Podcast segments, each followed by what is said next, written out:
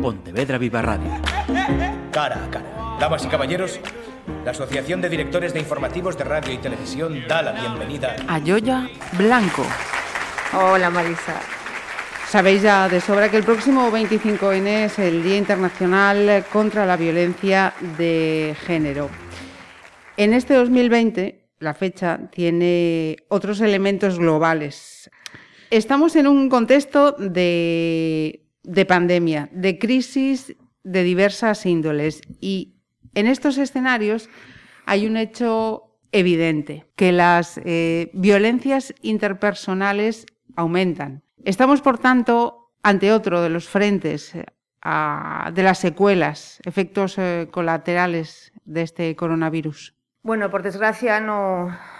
La violencia de género, la violencia machista, no depende solamente de la existencia ahora mismo de una pandemia o de coronavirus. Es algo que es diario, por desgracia, y que posiblemente el otro día uno hablaba con, un personal del CIM. Em, se agrava cuando hay confinamiento, claro. Claro, son situaciones de mayor tensión, eh, de eh, mayores sobrecargas, mayor inestabilidad laboral y, eso al final, desgraciadamente, son detonantes que llevan a, o por lo menos por los datos y situaciones que yo he visto, que han llevado precisamente a que haya un aumento de, de casos. En el CIN no hablaban de un aumento excesivo, consustancial, así que podemos hablar de un número excesivo, pero sí que es verdad que durante el confinamiento especialmente, no podemos olvidar que hay el maltratador eh, convive diariamente sin posibilidad de salir, no tiene que ir a trabajar. Eh, con la mujer maltratada, eh, pues se hace muy complicado, ¿no?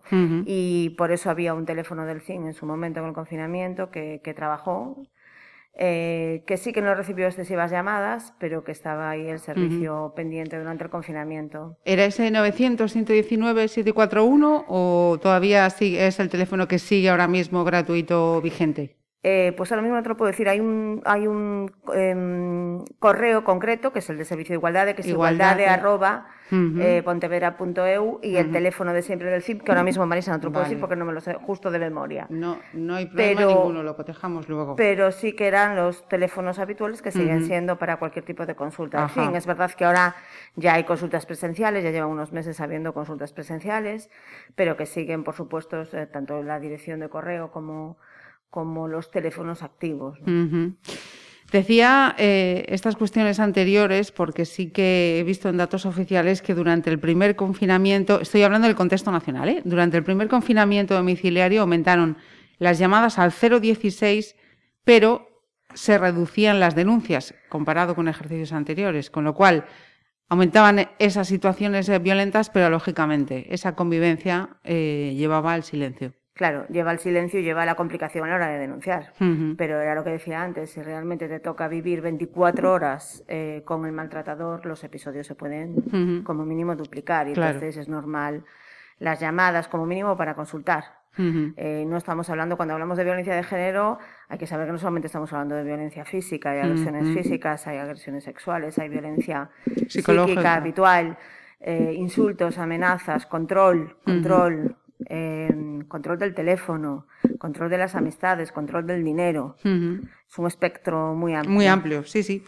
Mira, vamos a, reducir eh, perímetros. Eh, quería quedarme con esos eh, datos que ha ofrecido la subdelegación del Gobierno en la provincia. 1.095 casos activos en este mes de noviembre y las mujeres de 31 a 45 años son las que duplican en número a otros grupos de edad, exactamente 486 mujeres. ¿Qué lectura le damos a, esto? Yo que he sido abogada del turno de violencia de género muchos años, cuando oigo estas cifras se me siguen poniendo los pelos de punta, porque son números, pero detrás de ese números yo he vivido tragedias, las he vivido en el despacho con clientas y me sigue pareciendo un número totalmente desorbitado, pese a la educación, pese a que es cierto que mm, yo lo noto ya en mi hija de 8 años, eh, empiezan a cambiar las cosas, empiezan a cambiar de verdad. No es necesario explicarle que es el 25 de noviembre. Ve mi chapa con el lema y no tengo que explicarle. Empiezo a explicarle y ya termina ella. pero tenemos eh, todavía mucha lucha y mucho camino por andar. Siguiendo con, esos datos, otro más, eh, señalan que hay siete menores de 18 años con seguimiento activo. Y en informaciones que estos días eh, los compañeros de Pontevedra Viva daban, se hacía una mm, lectura negativa y positiva del hecho de que haya menores que ya denuncian. Claro, eso precisamente lo hablamos el otro día con un episodio que hubo de violencia eh, cerca de los institutos hace unas semanas en Pontevedra. La realidad es que las propias amigas denuncian. Es decir, que en ese sentido, como yo te decía antes, la sociedad está cambiando, está sirviendo de algo, eh, las distintas campañas y la distinta información, y la gente joven empieza a saber ya que está ante un episodio de violencia de género. No es que me coja el teléfono y me vigile los WhatsApps porque me quiere mucho. Es que está teniendo un control sobre mí y eso es violencia. En esta parte de la población, vamos a decir, pues eso, los casi, casi mayores de edad o próximos a, o que han pasado ya esa mayoría de edad.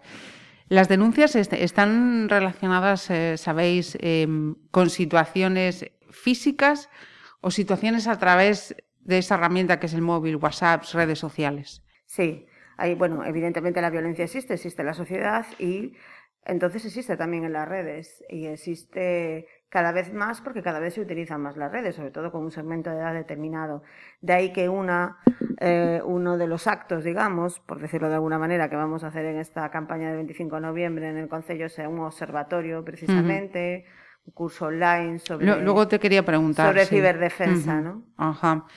Por tanto, eh, esta población eh, más joven también tiene una visión mucho más amplia de lo que es eh, el acoso. Es decir, como decías, no solamente es situaciones cuando estamos con la persona, sino a través de, esa herramienta que, ellos también, vamos, yo creo que... utilizan y mucho. De hecho, a veces me da la impresión como que la utilizan más que las relaciones interpersonales, ¿no? el, cara a cara. Y fíjate lo que hablamos antes, precisamente en el confinamiento. Todos, en general, todas nos hemos relacionado más a través de las redes, ¿no? entonces, como decía antes, evidentemente, cuanto más se utiliza una forma de comunicación, eh, más es posible que se puedan dar ese tipo de de violencias, de episodios de violencia.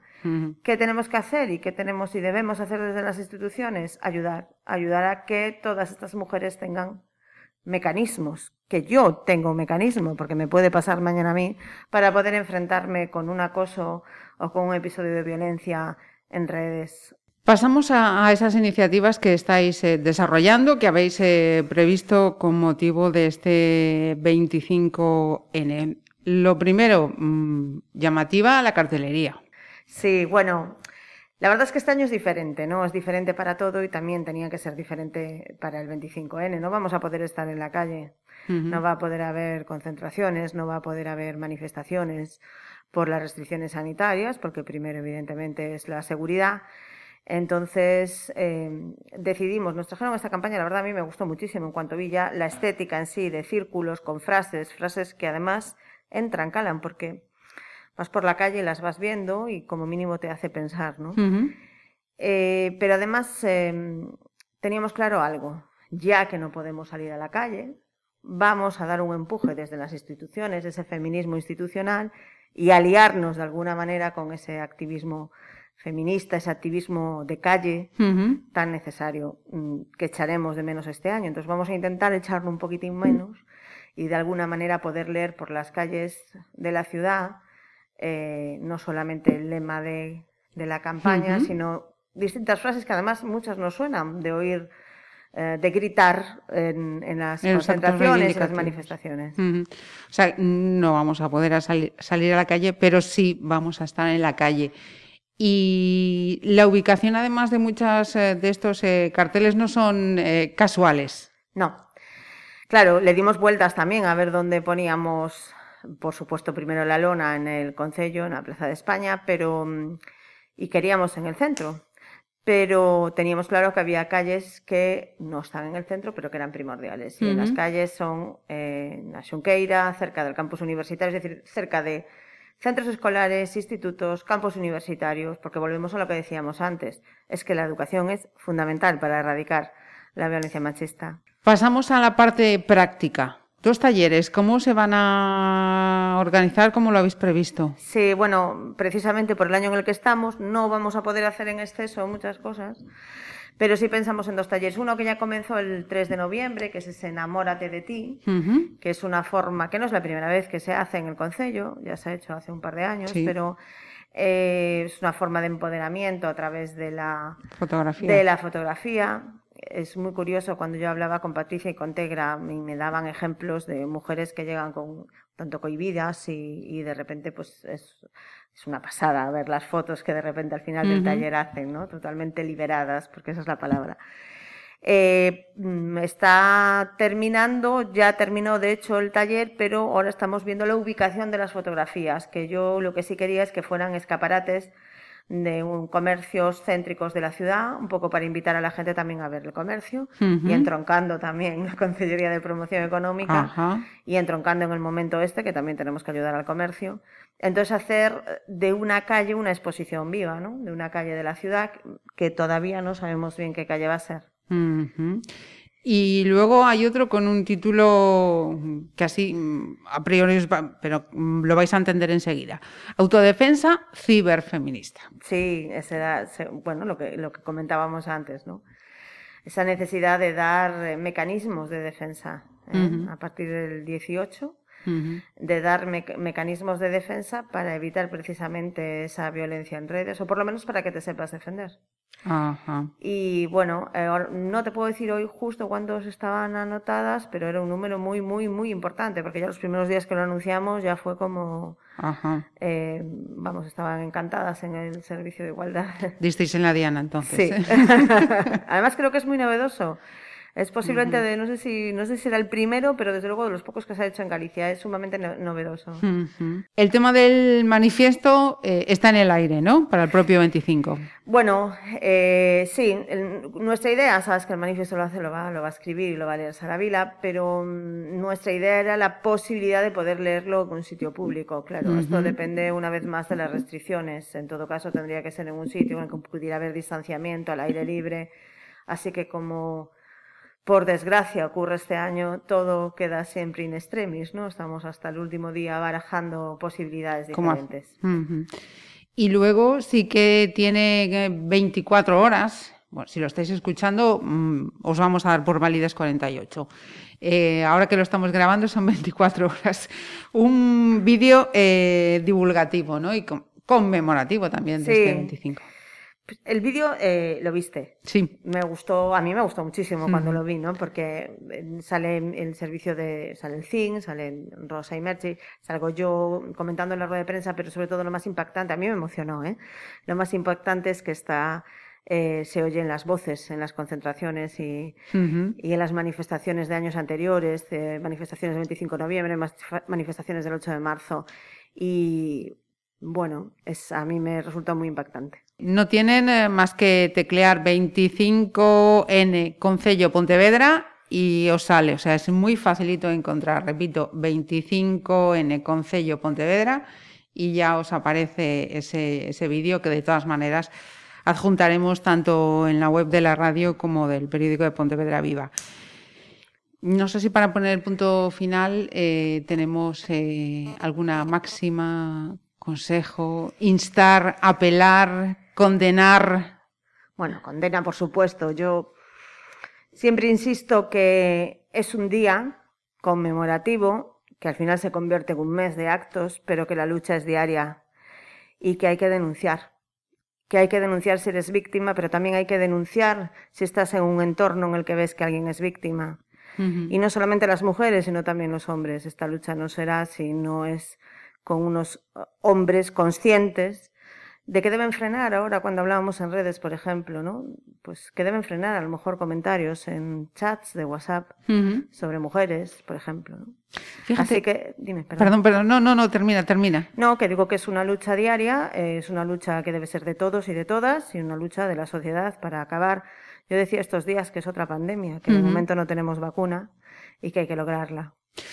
Es que mm, con eso que estabas eh, diciendo me estaba acordando de informaciones que había visto y había leído durante los confinamientos de que efectivamente sí que se notaba que había una mayor sensibilidad de la sociedad ante casos próximos. Quiero decir, yo estoy escuchando voces, gritos, peleas sospechosas en el piso de arriba, en el piso de abajo y tal, y llamo, cuando quizás eh, en otras situaciones hubiésemos dicho, uff, yo no me meto. Eso es algo positivo, como decía antes, de que a una niña de 8 años le, no hace falta que le expliques lo que es el 25 de noviembre. Eso significa que estamos trabajando duro, pero que vamos obteniendo resultados.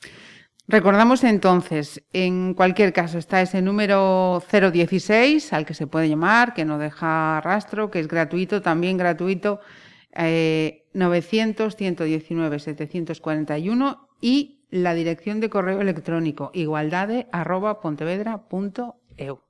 Perfecto. Muchísimas gracias, Yoya. A ti, Marisa. Pontevedra Viva Radio. ¿Me permiten que les haga un comentario como espectadores del programa Cara a Cara? Según un reciente sondeo de mercado, ustedes disponen de estudios e inteligencias superiores a la media. Sus intereses abarcan desde la actualidad mundial y la ciencia hasta el deporte y los espectáculos.